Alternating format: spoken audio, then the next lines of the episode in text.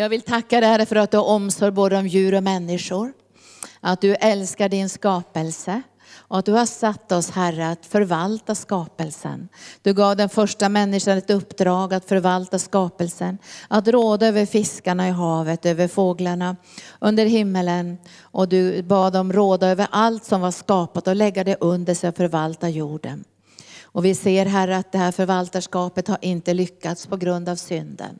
Men vi prisar dig Gud att vi inte lever under syndens krafter, utan att vi kan få bidra med någonting gott i den här onda världen och proklamera ditt rike på många olika sätt över världen. Och vi lyfter Nepal inför dig, vi lyfter barnhemmen, vi lyfter pojkarna, vi lyfter flickorna, vi lyfter den här lilla shoppen och de här kalvarna och bufflarna och mjölken. För du har omsorg Herre om de här barnen. Och jag ser i anden att du älskar de här barnen och du ska resa upp dem till att bli evangelister, pastorer, lärare och evangelister i sitt land, men inte bara i Nepal utan i ner i Bhutan, Tibet, Mongoliet. Och vi tackar dig Herre för att din ljuvliga hand rör vid de här länderna så att evangelium kan nå ut till alla folk. Och vi ställer oss Herre till ditt förfogande. Vårt liv har inget annat värde än att få predika evangelium. Och nu ber jag dig Herre att den här kvällen, alla som är här från helande dagarna,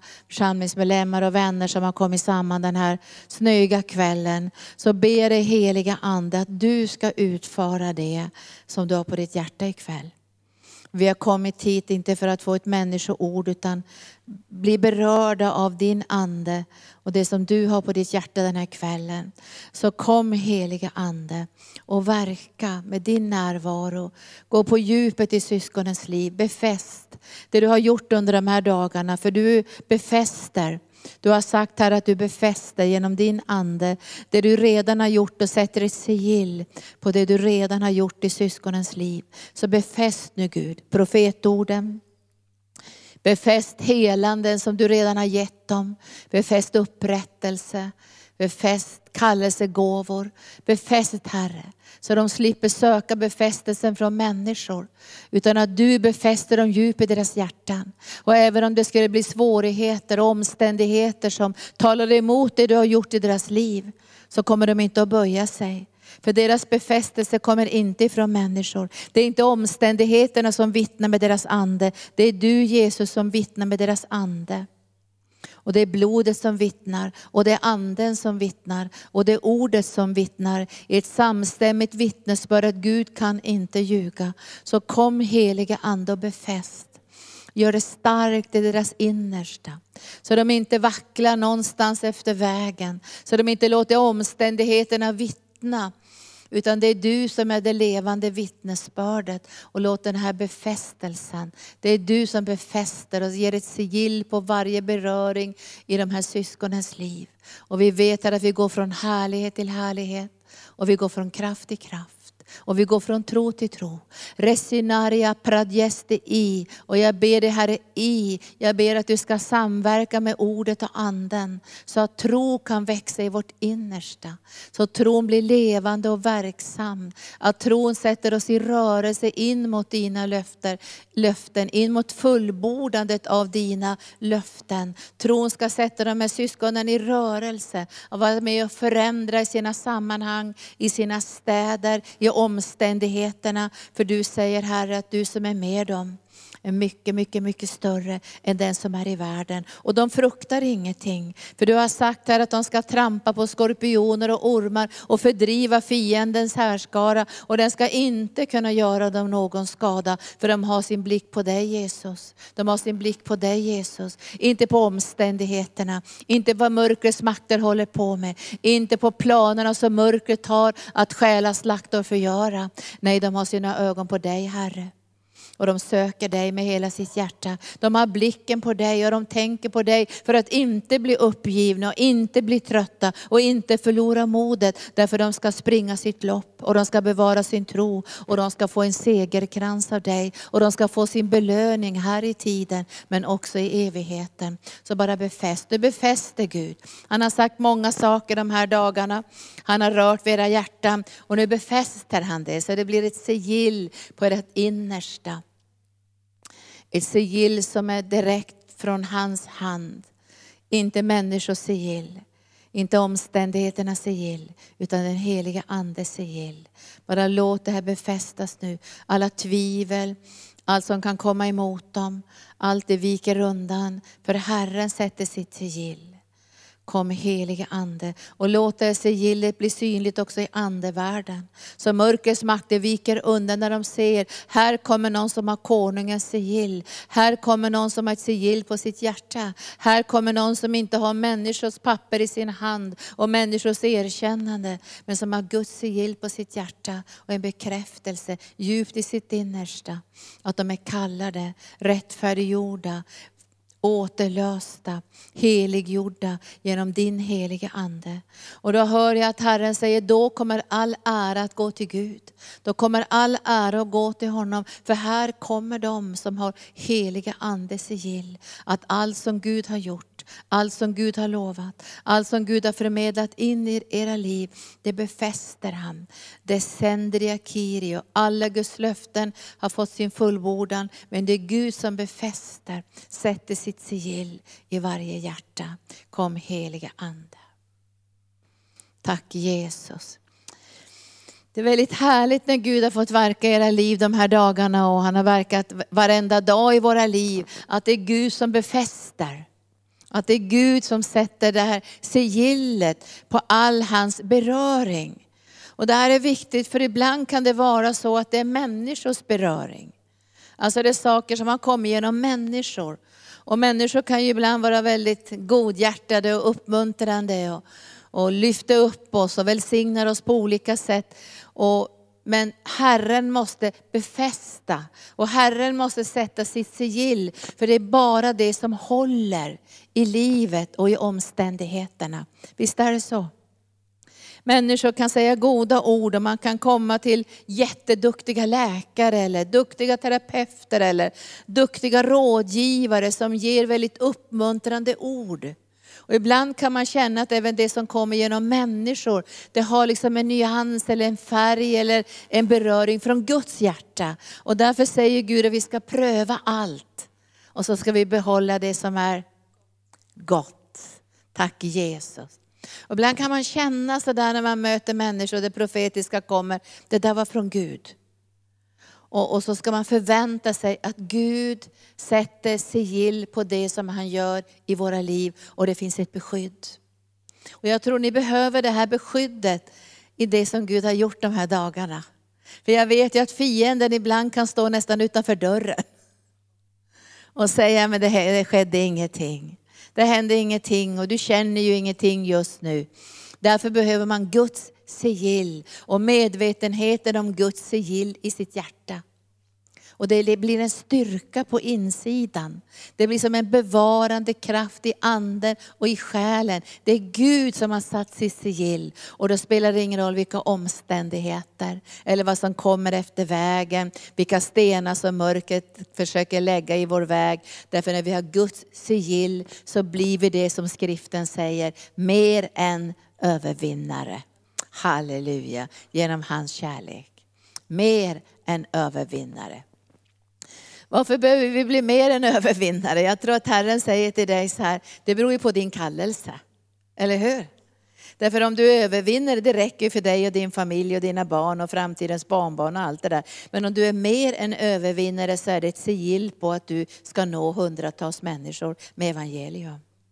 Därför de behöver höra från Guds hjärta, hans omsorg, hans kärlek, hans förbarmande, hans helande, hans upprättelse. Därför behöver du bli mera än övervinnare för de andras skull. Halleluja. Tack Jesus.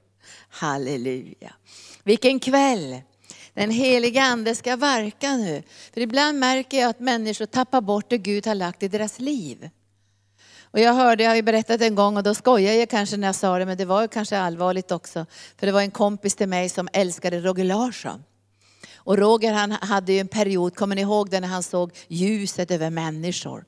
Och så sa han, vi har ett profetord, jag har ett profetord. Och alla som kom på mötena hade en sån längtan efter ett profetord. Så man kunde liksom se att de satte sig längst fram och nästan, gå Gud, tala till mig. Jag vill ha det här profetordet. För det är så längtan i våra hjärtan att få höra Gud tala. Och så var det en av mina kompisar som han var så jättelycklig, så sa han, och jag har åkt på alla Roger Larssons möten så han, som finns i närheten och nu har jag fått 17 profetord. Och då sa jag till honom, godhet då, är du lomhörd? Måste Gud upprepa sig så många gånger? Och ibland är det så att Gud måste upprepa sig. För tro kommer av hörande. Alltså tro kommer att du och jag lyssnar. Och då kan Guds ande verka i oss och skapa det som vi alla längtar efter. Det heter tro. Tro är inte något som vi kan fabricera själv, utan tro är den heliga andes verk när ordet och anden möts. Och ibland är vi lomhörda. Och tack gode Gud för att han är ha omsorg och barmhärtighet och tålamod. Och skulle vi behöva höra det 17 gånger så får vi det. Därför Gud är där och bekräftar och bekräftar och bekräftar och bekräftar. För att vi ska sätta tro till att nu sätter han sigillet i våra hjärtan. Och det finns en djupare bekräftelse. Så vi behöver inte höra det igen. Inte på det sättet som vi fick höra förut. Alltså vi hör ju från Gud på olika sätt, men vi måste komma till en plats där vi känner, nu har vi hört det.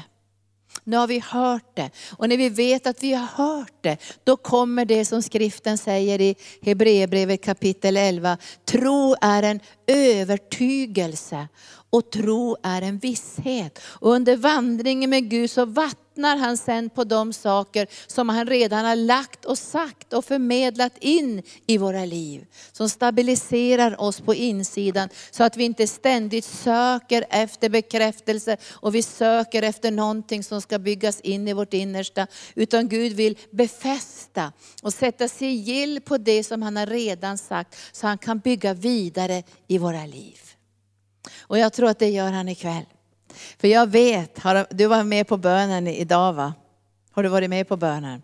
På helande dagarna? Har de fått fina profetord? Ni har fått ord, ni har fått uppenbarelse, Gud har talat. Alltså det som kommer ifrån himlen är dyrbar säd. Du vet att djävulen bryr sig egentligen inte om vår ekonomi eller vår hälsa. Eller, alltså han, han är ganska ointresserad av saker i våra omständigheter. Han är ute efter de himmelska sädeskornen som Gud placerar in i människors liv. Därför att om han får tag på de sädeskornen, då har han oss i sitt grepp. Därför han vet att det som är fött av Gud kommer att övervinna världen. Och han vet att det som är planterat ifrån himlen kommer att bära frukt 30-faldigt, 60-faldigt och 100-faldigt. Och det är därför han är ute efter säden, efter det som är sått i ditt liv. Och det är därför det är så viktigt att Gud den här kvällen får sätta sigill på de orden som han har lagt i ditt hjärta. Så inte mörkrets makter har någon makt att rycka upp det som Gud har lagt i ditt liv. Och det här är ett ansvarstagande som vi tar som troende. För vi kommer inte inför Guds ansikte och bara lyssnar och sen går vi. Utan vi kommer inför Gud för att ta emot ifrån himlen det som är så dyrbart, som Jesus har gett sitt eget liv och betalt med sitt eget blod för att du och jag ska få del i. Och jag vet ju att, att fort man får någonting från Gud så pågår det något i andevärlden. Det blir oro i andevärlden. Det skakar i andevärlden. Mörkrets makter kommer i rörelse. För någonstans hör de, Gud har gjort någonting. Gud har gripit in. Gud har sått någonting i en människas hjärta. Och då står det att då kommer de här svarta rovfåglarna för att få tag på det som är sått från himlen. Därför att det, det som är sått från himlen kommer att växa upp och bli det största av träd, den vackraste av planta, där himmelens fåglar kommer att bygga sina bo. Och mörkret vet att vi kan inte bygga våra liv på, på mänsklig visdom, utan vi måste bygga våra liv på Guds kraft. Så vi är rädda om orden som kommer ifrån himlen.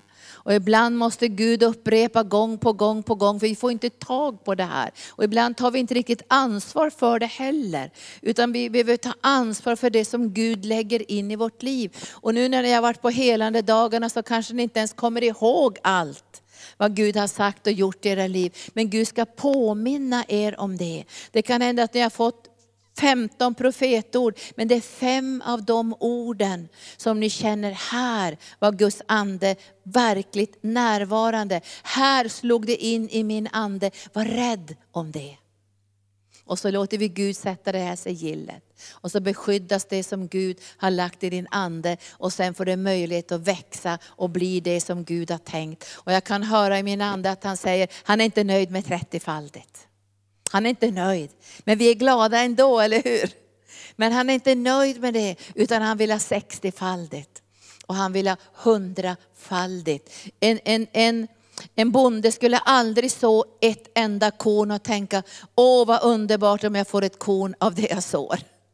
Utan en bonde skulle förvänta sig rätt så mycket av varje kon som han sår ner i jorden. För han vet att det ska reproduceras. Och det är det som mörkrets makter vet. När vi får kontakt med ordet, då vet mörkrets makter att det här kommer att reproduceras och jag måste få tag på det.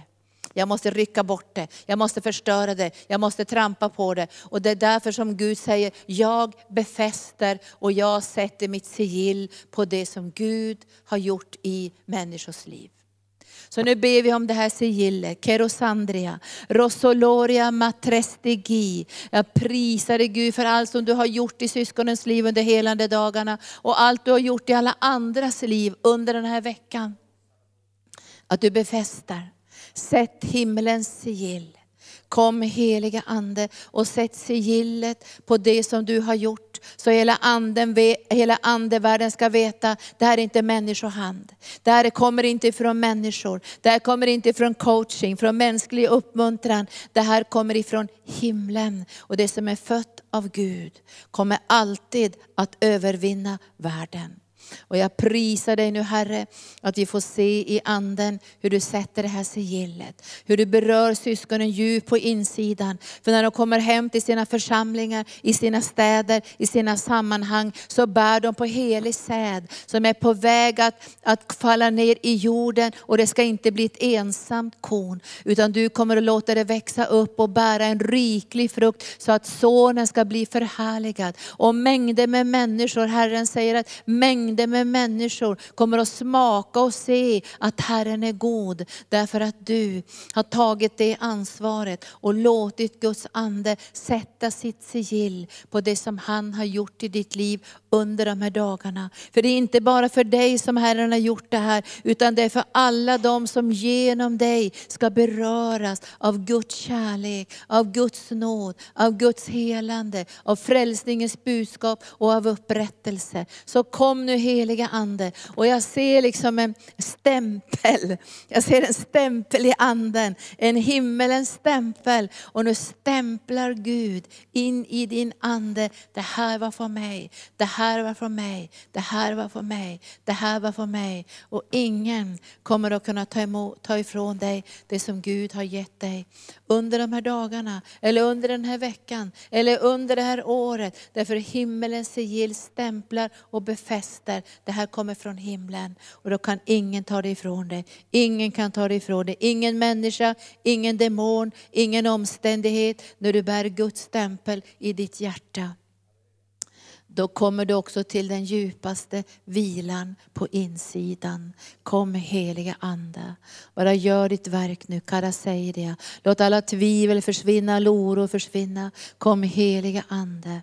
Gör ett djupt verk i syskonens innersta. För mörker övertäcker jorden. Men över dig ska ljuset gå upp och folken ska vandra i det ljuset. Ja, mörker övertäcker jorden terror och mörker, förstörelse och krig. Men vi har våra ögon riktade på Jesus Kristus. Och vi ser på Jesus. Och våra hjärtan är berörda av hans närvaro och vi fruktar ingenting. Därför Herren säger ikväll att fullständig kärlek, den driver undan all fruktan. Och Rasiria, finns det någon fruktan kvar? I ditt hjärta den här kvällen så kommer Gud att riva undan och driva undan all fruktan. För han vill inte att det ska finnas ett uns av fruktan kvar i ditt liv. Fullkomlig kärlek driver undan all fruktan. Därför drivkraften i det som du ska göra och jag ska göra och vi ska göra måste vara en drivkraft som är himmelens kärlek inplanterad i våra hjärtan. Och jag hör att Herrens ande säger att Guds kärlek är ingjuten i ditt hjärta genom den heliga Ande. Så kom nu heliga Ande ikväll. Finns det något, någonting av fruktan och oro, så bara tvätta bort det. För du har sagt Herre att vi ska få tjäna dig utan fruktan i alla våra livsdagar. Så kom heliga Ande, bara gå på djupet nu. Vi fruktar ingenting. Vi har ingenting att frukta. För du är med oss alla dagar in till tidens ände ande. Och alla tankar på fruktan, alla känslor som vill dra till sig fruktan, alla omständigheter som vill vittna om fruktan. Ikväll får de böja sig och lägga sig under Jesu Kristi lydnad. För du reser upp ett folk som är fyllt med kärlek, fullt, fyllt med tro och som kan bli en förvandlande kraft i detta mörker. Så kom nu heliga Ande, kom heliga Ande, bara befäst ditt ord. Befäst ditt ord. Att du inte vill att någon fruktan ska finnas kvar i någons liv. Resikendria, roladiria, destrigeidia. Kom heliga Ande. Bara gör ditt verk nu. Gör ditt verk nu. Gör ditt verk nu. Nu verkar den heliga Ande. Kom heliga Ande. Kom heliga Ande. Och jag hör att Herren säger de här orden igen.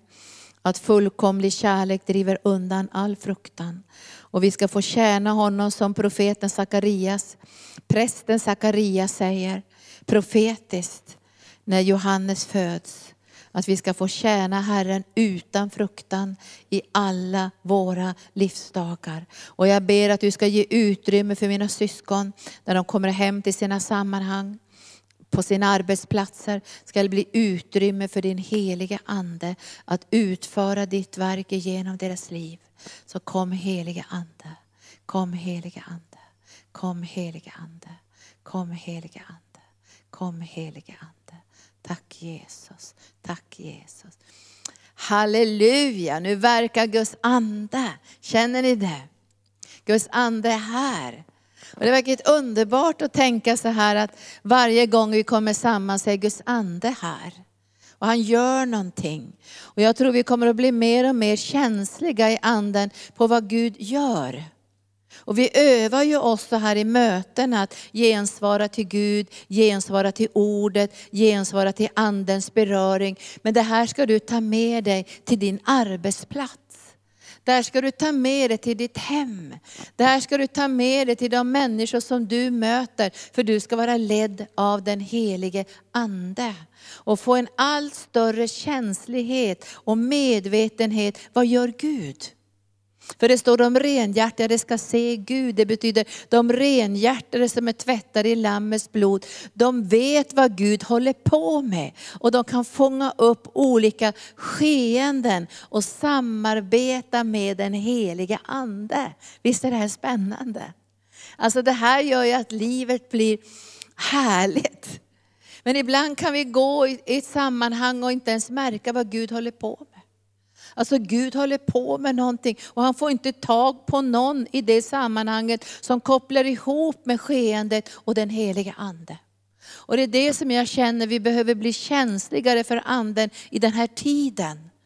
Så att vi inte behöver bara använda naturlig kraft och naturliga verktyg och naturlig förmåga. För Bibeln säger ju, tron får inte bygga på mänsklig visdom, den måste bygga på Guds kraft. Och Paulus säger, jag kommer inte att predika mänsklig visdom, för då kommer korset att förlora sin kraft och det blir bara religiositet. Det finns ingen kraft i frälsning, ingen kraft i förvandling, ingen kraft i befrielse, ingen kraft till upprättelse. För vår tro ska inte grundas på mänsklig visdom och på intellektet. Det måste grundas på Guds uppståndelses kraft.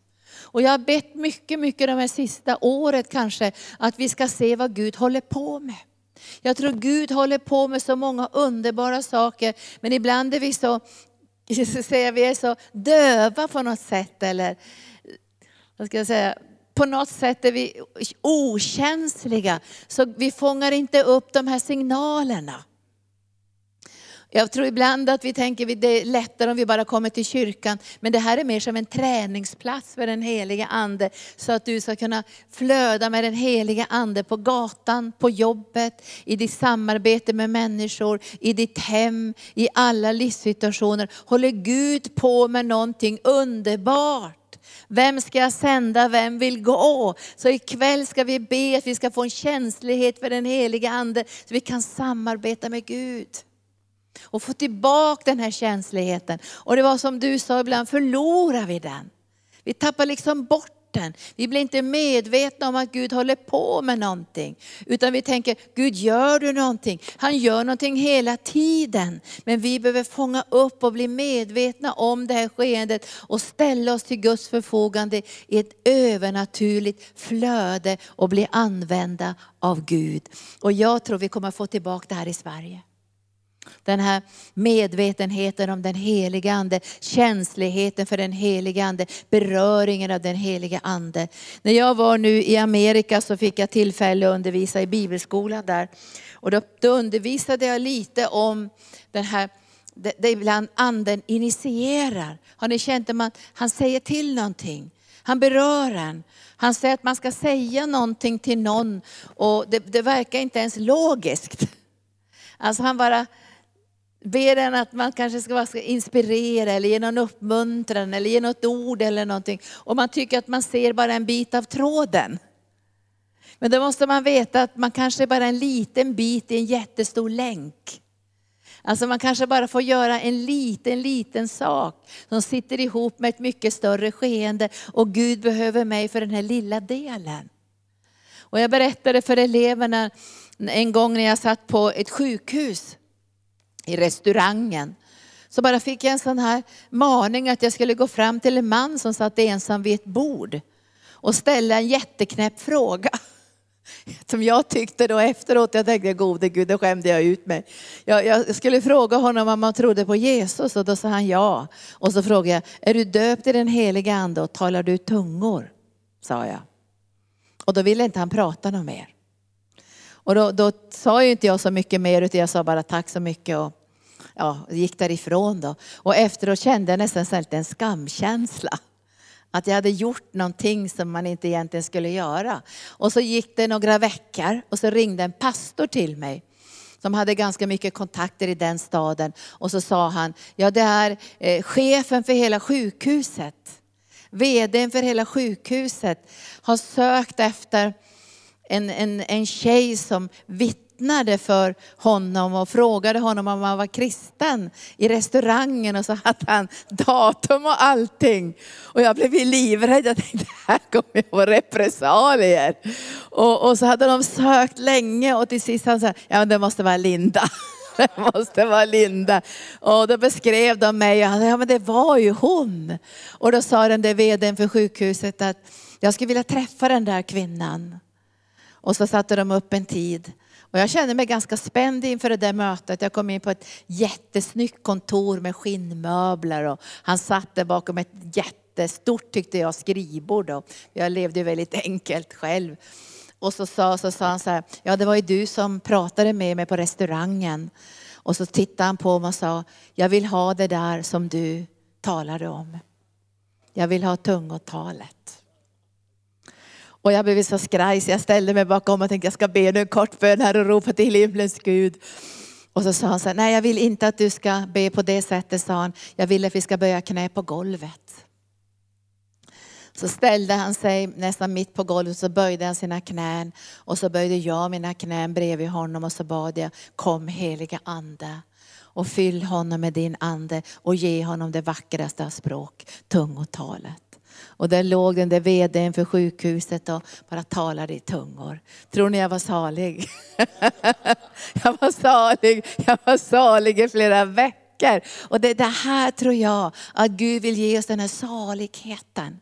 För vi är ibland, vi har ofta inte hela delen. Vi är en liten, liten del i en stor kedja av Guds beröring genom olika människor. Och då kan han inte bara hoppa över en del. Och du och jag kanske är just den delen som Gud vill använda för att föra de här sakerna fram till den plats där han kan göra det som han verkligen har på sitt hjärta. Så min bön den här kvällen är, ge oss en större känslighet för den helige Ande. Så inte bara i våra, i våra egna liv utan också tillsammans, att vi blir känsliga för den heliga Ande. Så Gud kan genomföra och fullborda saker ibland oss, så att vi kan höra tillsammans. Och koppla ihop i anden så att Guds vilja blir gjord. Och jag tror att den här känsligheten för anden, och vara ledd av anden, berörd av anden, det är så saligt. Och jag tror att det här kommer att öka i ditt liv när du kommer hem nu. Och inte bara där du är utan också med alla barnen där också. För du behöver mycket visdom, eller hur? Och då, då, säger Herren så här, att han har visdom, han har förstånd, han har vägledning, han har lösningar på ett övernaturligt sätt. Ibland har vi naturliga verktyg, men jag tror att du kommer in i en dimension av övernaturliga verktyg, där kunskapens ord, visdomens ord, vägledningen från den heliga Ande. Och då kommer du få tid över att ha tid med Jesus, ha tid med Anden, ha tid med ordet, för det som Gud också vill utföra genom ditt liv, genom din tjänst. Så jag tror att det är någonting som Herren kommer att göra. Tack Jesus.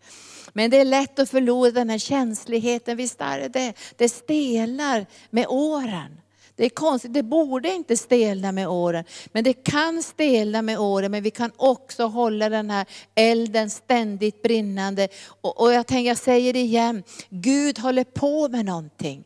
Det är inte så att han plötsligt bara gör någonting, utan håller på med någonting hela tiden. Och han behöver sitt folk och han behöver dig och mig för att det som han har i sitt hjärta, det osynliga, ska bryta igenom genom våra liv. Och då blir det salighet.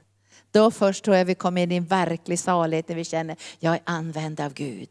Och ibland ser man inte hela skeendet, man kanske får vara en bit, liten bit på vägen, men i evigheten kommer det att bli riktigt spännande. När Gud kommer att uppenbara vad det, vad det blev för frukt av din lydnad. Så lyd den helige Ande. Det var, jag tror jag var i 30-årsåldern när jag gjorde sådana djupa beslut. Det var precis i början när jag fick förnyelsen och smörjelsen av Gud på ett nytt sätt. Då gjorde jag ett beslut, jag kommer ihåg det än idag. Jag gjorde ett beslut och sa, jag tänker vara ledd av den heliga Ande. Jag tänker vara ledd av den heliga Ande. Och jag tycker att det har varit lättare att vara ledd av den heliga Ande på ett privat eller på ett personligt plan som individ. Jag tycker det har varit lite svårare att vara ledd av den heliga Ande för ett kollektiv, som ledare. För det som ska göras kollektivt. Och genom åren så har jag förstått så här, att om individerna i församlingen inte gör beslutet att vara ledd av den heliga Ande, då krockar det. Men om varje person gör det här beslutet, jag vill vara ledd av den heliga Ande, då kommer Gud att kunna leda oss tillsammans genom den helige Ande på ett enhetligt och underbart och saligt sätt där vi kan få göra Guds vilja. Vi ska vara ledda av den helige Ande. Och jag tror att det blir ett pris att betala också att vara ledd av den helige Ande. För det krockar med det naturliga. Och det som, det som Mats läste ikväll, jag hade lite grann av det i min ande, men jag, ska, jag läser det då. Paulus han säger så här i första Korinthierbrevet kapitel 1, och så säger han i 17 versen, Kristus har inte sänt mig för att döpa, utan för att predika evangelium, men inte med vältalig vishet, så att Kristi kors förlorar sin kraft. Med vältalig vishet. Det kan vi ju tänka sig lite grann, vad betyder det här med vältalig visdom? Det tänker jag inte lägga, lägga ut ikväll, men det är något vi behöver bedja över. Vältalig vishet. För det finns väldigt mycket vältalig vishet i den här världen. Och Gud han säger så här, att, att han, säger, han säger så här, att det finns, det finns, eh, det finns liksom en slags religiös beskrivning av den andliga verkligheten, men kraften saknas om kraften saknas så blir det bara religiositet och människomeningar. Och Paulus han säger då i andra kapitlet på nytt så här, när jag kom till er bröder var det inte med stor vältalighet eller vishet som jag predikade Guds hemlighet för er. Jag hade bestämt mig för att inte veta av något annat än Jesus Kristus och honom såsom korsfäst. Och så säger han att han var svag och orolig i sitt eget kött för han ville inte komma i den naturliga visheten. Och mitt tal och min predikan kom inte med övertygande visdomsord utan med bevisning i ande och kraft. För er tro, säger han, ska inte bygga på människors visdom utan på Guds kraft. Guds kraft. Inte på människors visdom utan på Guds kraft. Det måste ha en djupare och större bäraktighet än det intellektuella. För annars håller det inte i prövningen. Det håller inte i utmaningarna, det håller inte i stormarna, det håller inte i omständigheterna. För nu går vi in i tider, och jag hörde bara ordet liksom, terror. Vad är terror för någonting? Vad är terrorism för någonting? Om man skulle prata med människor som jobbar med terror så skulle de säga, det är grupper av människor som skapar panik och fruktan. Det är terror. Man vill alltså skapa fruktan och panik och rädsla i ett land. Och när fruktan kommer blir det kaos. Så det är själva terrorismens syfte, att skapa fruktan, terror och kaos. Och då kan man tänka, vem är bakom det egentligen? Det är mörkrets makter. De håller ju på över hela jorden att planera för mörker, terrorism, krig, våld, övergrepp och hat. Men du och jag kan inte hålla på och titta på det. Alltså vi kan ju inte hålla på, alltså vi börjar titta över hela världen, vad håller djävulen på med? Utan vi måste göra ett beslut ikväll, vi ska titta på vad Gud håller på med. Och jag märker ibland att, att man glider iväg och håller på att titta på djävulens gärningar. Han tänder eldar överallt. Alltså börjar man titta på vad han håller på med, då får man ingen ro och ingen vila. Han håller på att tända här och tända där och tända där. Och så håller han på med det och så håller han på med det och så håller han på med det där i kyrkorna. Och jag kommer ihåg en gång när jag började komma in i så här konstiga bönegrupper som alltid höll på att söka efter djävulens gärningar. Då tänkte jag så här, jag blir snart svart som sotan. Jag tänkte vi skulle kriga mot det och vi skulle kriga mot det och vi skulle kriga mot det. Och jag tänkte, varför det? Och jag kände sen när jag började fokusera för mycket på mörkret, då sa Herren till mig, när jag visar dig något mörker så kommer jag alltid visa dig en utväg och en lösning. Så när Herren började uppenbara för mig det här med nyandligheten och yogan och mindfulness som skulle komma in i skolorna och sjukvården. När jag tittade på det först så såg jag ju kraften i det här. Mörkret, eller hur? Man såg hur mörkret hade planerat och tänkt och fått tag på pengar och universitet och rektorer. Det bara skulle välla in det här. Och man kunde ju få spaden när man såg det. För han hade ju tillgång till pengar och demonerna och allt det här. Men jag kände så här, det där ska jag inte titta på allt för länge. Jag ska titta på vad Jesus vill göra. Vi är mer än övervinnare. Vad har han för lösning? Vad har han för, för, för ersättning? Vad kan han göra i det här området? Och det är det som jag vill fokusera på. Och det är det som jag vill lägga ner mitt liv i. Och det är det jag vill satsa min kraft i. Inte satsa min kraft på att jaga vad djävulen håller på med. Och finns det inte en lösning så släpper jag det. Kanske andra får hitta den lösningen. Kanske andra församlingar får hitta den lösningen. Men det som Gud visar oss vad djävulen håller på med, så har han alltid en, så att säga, en väg och, och, och en, en kraft i det här. Visst ser ni det? Det kommer alltid någonting gott från Guds hjärta. Så att vi får ett alternativ eller ett utrymme för någonting annat. Så vi sitter, behöver inte sitta bara och slåss mot mörkret, utan vi tänder ljuset och vi gör Guds gärningar. Det här blir positivt. Det här blir kraft och det här blir energi, det här blir kreativitet, det här blir Guds lösningar, det här blir församlingstillväxt, det här blir expansion. Men att hålla på med djävulens gärningar, det förstör våra liv. Och det kommer att öka nu i den yttersta tiden, djävulens gärningar. Du kan hitta honom var som helst. Alltså han är överallt. Men Gud är också överallt för att slå ner sina bopålar, uppenbara sin härlighet, visa sin makt. Och vi är på ljusets sida och mörkret har fått böja sina knän i namnet Jesus. Och därför så tror jag att det är jätteviktigt när vi är inne i bön också, att vi inte fokuserar på mörkret. Utan att vi fokuserar på ljuset. Vad håller Gud på med? Och blir delaktig i det han gör. Det andra tröttar bara ut oss. Ta kraften ifrån oss. Och vi kommer samman och pratar om vad djävulen gör i politiken. Jag är inte intresserad av vad djävulen gör i politiken.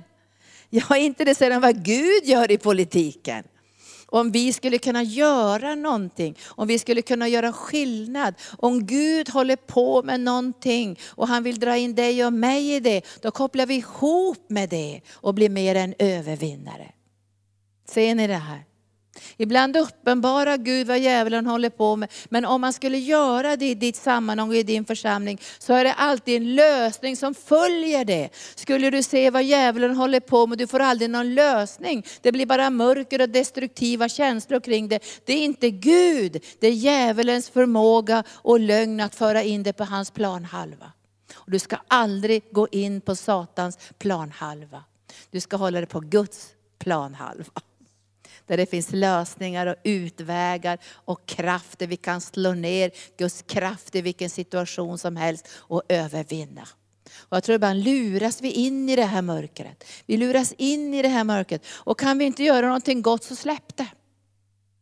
Det, har, det, har inget, det, det, det, bidrar inte till någonting gott, utan det skapar bara oro, ångest och förtvivlan. Och det skapar stress på insidan. Och därför tror jag att det är jätteviktigt att vi fokuserar på Jesus. Och vi fokuserar på det som vi ska få göra i den här tiden. För tiden är faktiskt kort. Och vi behöver all kraft i den heliga Ande för att kunna fullborda och genomföra Guds vilja.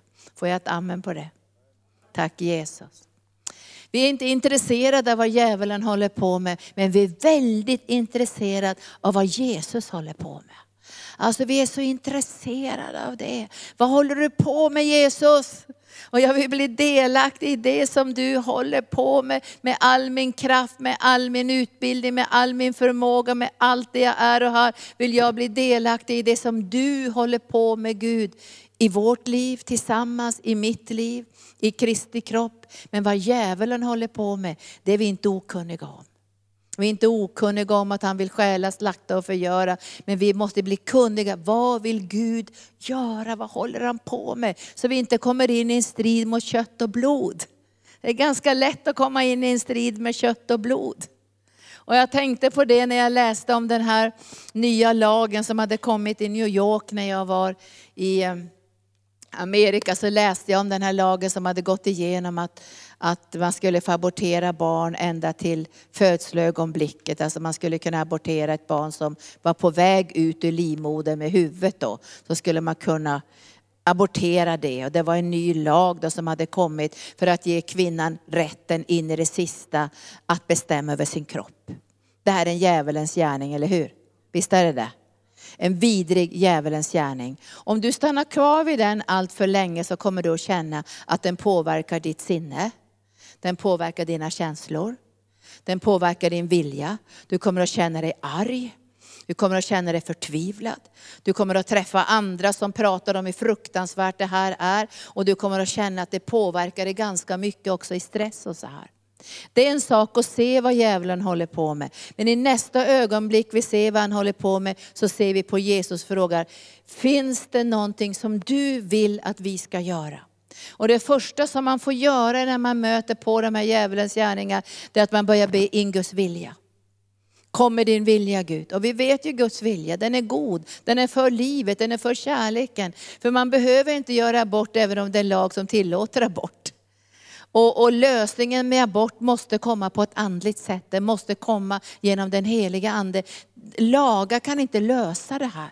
Utan det är människors hjärtan som måste beröras av den heliga Ande. Och därför måste vi be, gode Gud, låt din heliga Ande komma med väckelse in i människors liv. Att de får samveten som är berörda av den heliga Ande. Och att kärlek från Gud får bryta in i människors liv. Där har vi ett bönansvar. Men det är mycket möjligt också att Gud kanske har någon praktisk sak som han vill göra genom våra liv. Men vi får inte tappa bort vår blick ifrån Jesus. För då kommer allt det här som djävulen håller på med att bryta ner våra liv, föra oss in i stress och förtvivlan och mörker och ångest. Och vi kommer inte ha den kraft vi behöver för att samarbeta med Gud och göra hans vilja i den här världen. Får jag ett halleluja på det? Tack Jesus. Mörkret påverkar våra liv. Och ikväll när jag satt inför Herren så sa han bara till mig att jag skulle föra er till Salta salmen 91. Och jag stannar där en liten stund ikväll. Vi har gjort beslut och Jesus har gjort också ett beslut. Och han säger i Matteus 23 och, och i 37 versen någonstans där säger han, jag hade velat samla er som hönan samlar sina kycklingar under sina vingar. Och jag satt idag och tänkte så här, tänk att Gud vill ha oss under sina vingar. Det betyder att du och jag har ett fullständigt beskydd mot mörkrets makter. Alltså ett fullständigt beskydd från mörkrets makter under hans vingar. Och Jesus säger, jag har velat samla er. Jag har, velat, jag har önskat att ni ska komma in under mina vingar. Och ni vet att det som smärtade Gud allra mest, tror jag, när, när människorna gick genom öknen, ni vet när de lämnade Egypten, det var att de inte litade på Gud. Det var att de hade inte sin förtröstan och sin vila och sin trygghet i hans hjärta. Utan gång på gång så trod, tänkte de så här, kanske Gud inte kommer att gripa in. Kanske han inte kommer att hjälpa oss. Kanske inte han kommer att ge oss vatten och mat och allt det här. Och när de hade det där ständigt närvarande, att de kände sig ovissa över Guds omsorg i sitt liv, så började de fresta Gud. Och det står då i Bibeln att de började knota och knorra och de började bli arga och till sist fick ju Joshua och Kaleb säga, men förstår inte ni att Gud är trofast? Har han gett löftena så kommer han att vara med er i alla omständigheter. Ni behöver inte frukta, ni behöver inte tvivla, ni behöver inte fråga gång på gång om Gud kommer att försörja er eller hjälpa er. Han har redan gett löftet, han ska gå före er som en eldstod och molnstod. Och han har lovat att vara med er och hjälpa er och försörja er. Och han har lovat att ge er landet och han kommer att uppfylla det löftet. Men det finns någonting i den här mörka världen som gör att det ständigt präglar och påverkar våra liv att inte lita på Gud. Alltså det, det, är någonting i själva den fallna skapelsen som också attackerar de som egentligen älskar Jesus. Vågar vi lita på Gud? Och det var där som mörkrets makter attackerade Jesus. Kan du lita på Gud? Kan du verkligen lita på Gud? Kan du verkligen lita på Gud? Och så frågar han gång på gång, kan du verkligen lita på Gud?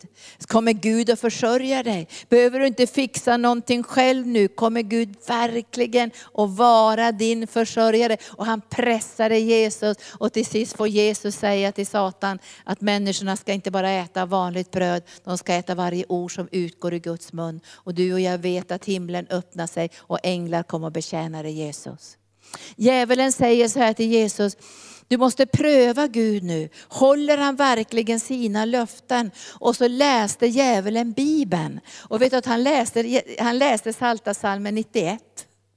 Och man undrar ju ibland, hur läser djävulen Bibeln? Och varför läser djävulen Bibeln? Jag, tar, jag tror att han läser vissa texter för att utmana oss. Därför det är inte Guds ande närvarande såklart i de texterna då, utan han utmanar de troende med texter för att fresta dem. Och här ser vi en sån här text, jag ska läsa den ifrån Salta salmen 91. Och då, och då står det här i nionde versen, jag ska läsa sen flera verser, men det står i Saltaren 91 och 9. Du har sagt att Herren är ditt skydd. Du har gjort den högste till din tillflykt. Du har sagt till Herren att han är ditt beskydd. Du har gjort den högste till din tillflykt. Inget ont ska drabba dig.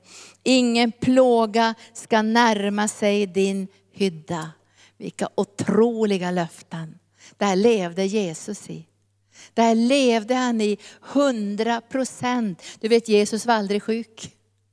Jesus var aldrig sjuk. Alltså han levde i det här. Och det står ju i Bibeln att han var frestad i allt men utan synd. Och sen ska vi läsa det här som djävulen använde sen för ingen plåga ska närma sig din hydda, för han ska befalla sina änglar att bevara dig på alla dina vägar. De ska bära dig på sina händer, så du inte stöter din fot mot någon sten. Du ska gå fram över lejon och huggormar och trampa på unga lejon och drakar. Och så säger djävulen, det här måste du testa Jesus. Det här är för bra för att vara sant. Testa det här. Testa det här om det här verkligen är sant. Men Gud vill att du och jag ska göra en sån djup överlåtelse till Gud så vi inte behöver känna att vi måste testa. Vi säger något bra ikväll. Vi behöver inte testa. Utan vi överlåter oss till Gud på ett sådant sätt att vi säger, vi tror Gud på det som du har sagt. Vi litar på det som du har lovat Gud och vi behöver inte testa det. Vi gör en djupare överlåtelse till dig Gud och den gjorde Jesus. Så han säger bara till Satan, du ska inte fresta Gud.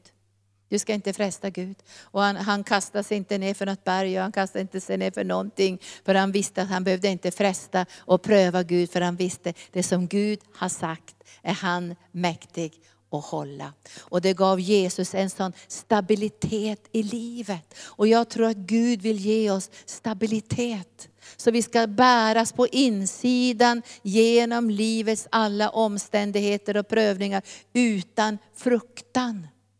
Det, det, är jobbigt när vi som kristna, när vi skakar så kommer vi in i fruktan.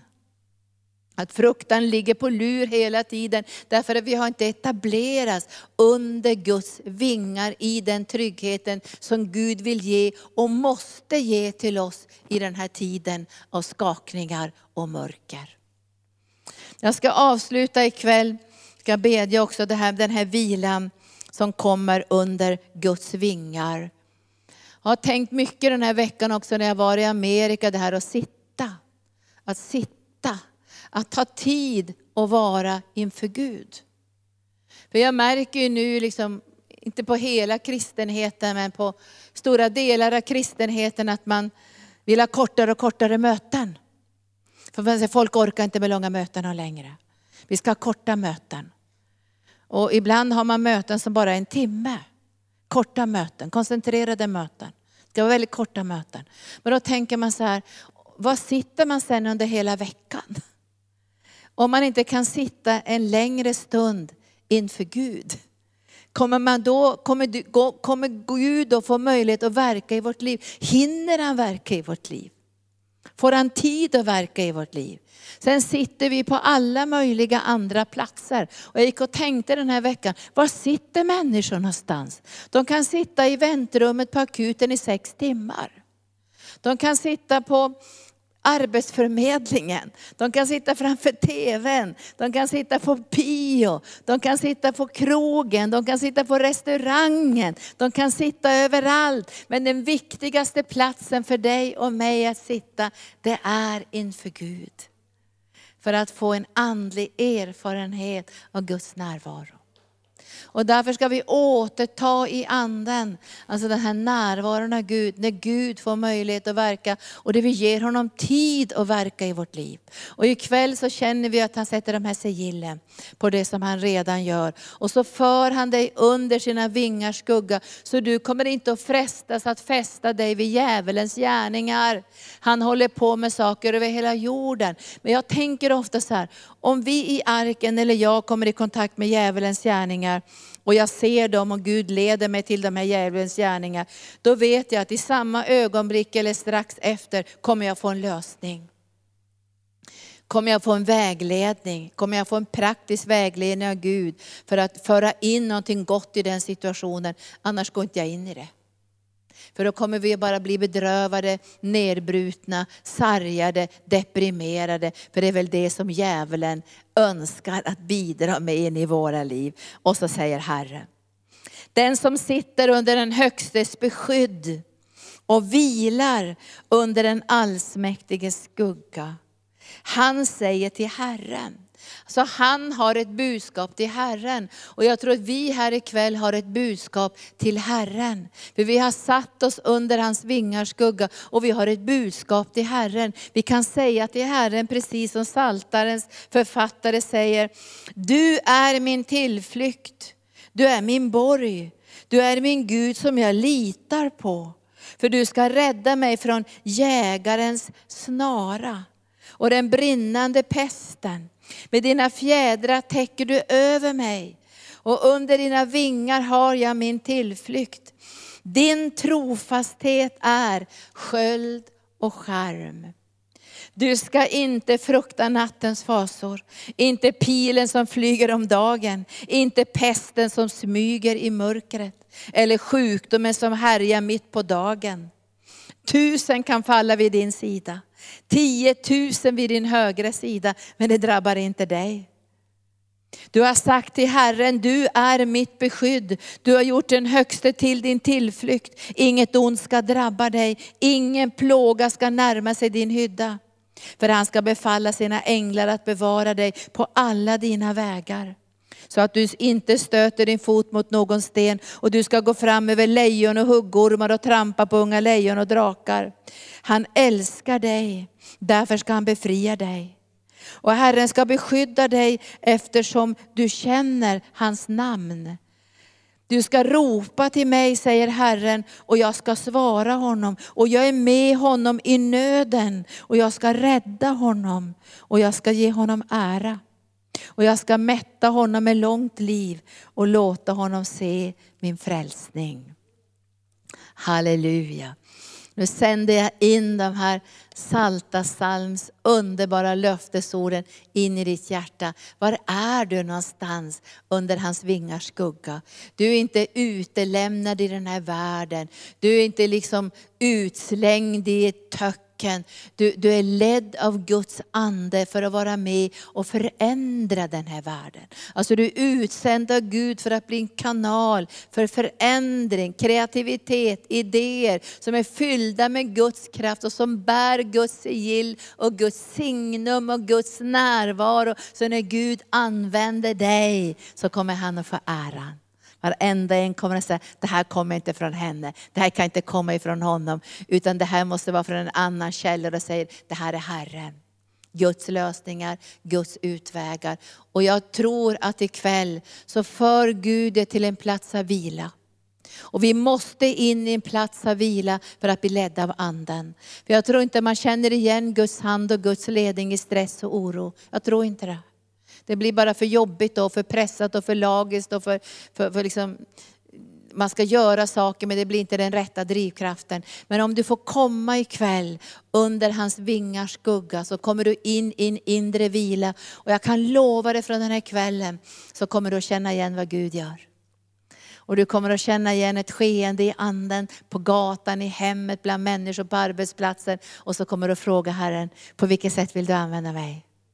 Vad ska jag säga här? Vad ska jag göra här? Hur, hur, vilket ord ska jag ge? Vilken kanal ska jag öppna för att nå in i den här människans hjärta? Och då tror jag det blir en salighet utöver salighet, utöver salighet. Du blir använd av Gud.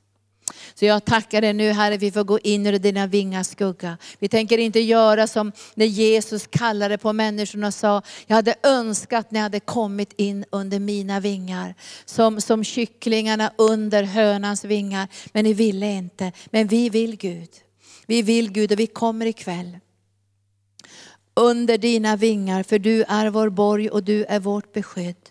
Och du ska leda våra tankar in på dina vägar, våra känslor ska beröras av dina känslor och vår vilja ska bli fylld med din kärlek med din närvaro. Och jag prisar dig Herre för att du från den här kvällen hjälper oss att känna igen djävulens lögner, att gå in på hans planhalva.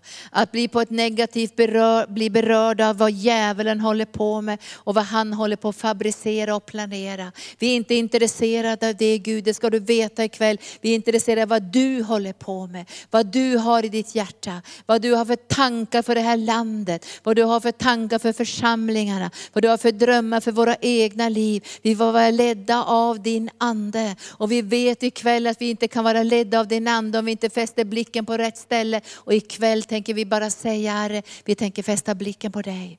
Och vi tänker gå in i dina vingars skugga och låta oss beröras av din ande. Där all fruktan för pilen, för pesten, för fågelfängarens snara, för lögner och bedrägeri och förföljelse och nättroll och allt där som kan komma emot oss. Det kommer att stoppa Hoppas när vi vilar under dina vingars skugga och vår längtan är ifrån vårt hjärta. Hur vill du använda oss Gud? Vad har du för tankar, vad har du för planer? Vad håller du på med Gud? Så vi kan gå in i det som redan pågår och sätta till vår skuldra för att din kraft, din härlighet, din nåd ska få flöda genom våra liv. Och jag lyfter nu alla heladagsgäster inför dig Herre. Och jag ber att de ska få bära det som du har lagt i deras liv och de ska komma i rörelse, i en profetisk rörelse, i en trons rörelse. In mot det som du har lovat och det som du har sagt och det som du har profeterat och det som du har talat ut i deras liv. Och jag ber Ede Rogende Panassikeidia, Tregosaja, Ike Descendria. Beskydda Herre, det som du har lagt i deras liv. Låt det sigillet blänka, brinna. Himmelens sigill ska brinna. För ingenting som du har lagt i deras hjärta ska djävulen, demoner, omständigheter eller människor kunna rycka ifrån dem. Så kom helige Ande, kom helige Ande. Och hjälp oss Herre att få bort blicken från mörker. För mörker övertäcker jorden. Men över oss ska ljuset gå upp. Och folken måste kunna vandra efter någon som känner ljuset, som ser ljuset, som ser lösningarna, utvägarna. För det är från dig Herre som vår hjälp kommer. Och jag prisar dig Gud för att du upprätthåller oss när tusen faller, när tiotusen faller. Så har du lovat Herre att upprätthålla oss därför att vi har satt oss själva och lagt våra liv inför ditt ansikte och gett dig tid att verka. Och jag ber dig nu helige Ande från den här kvällen så tar vi och fångar tiden. Destrekiria, vi fångar tiden. Vi tänker inte låta tiden rinna genom våra fingrar. Vi tänker inte låta tiden stjälas av omständigheter. Vi tänker inte låta tiden stjälas av pressen från arbetet. Vi tänker fånga tiden tänker fånga tiden. Och när vi fångar tiden så lägger vi oss under dina vingars skugga och får en frid som övergår allt förstånd.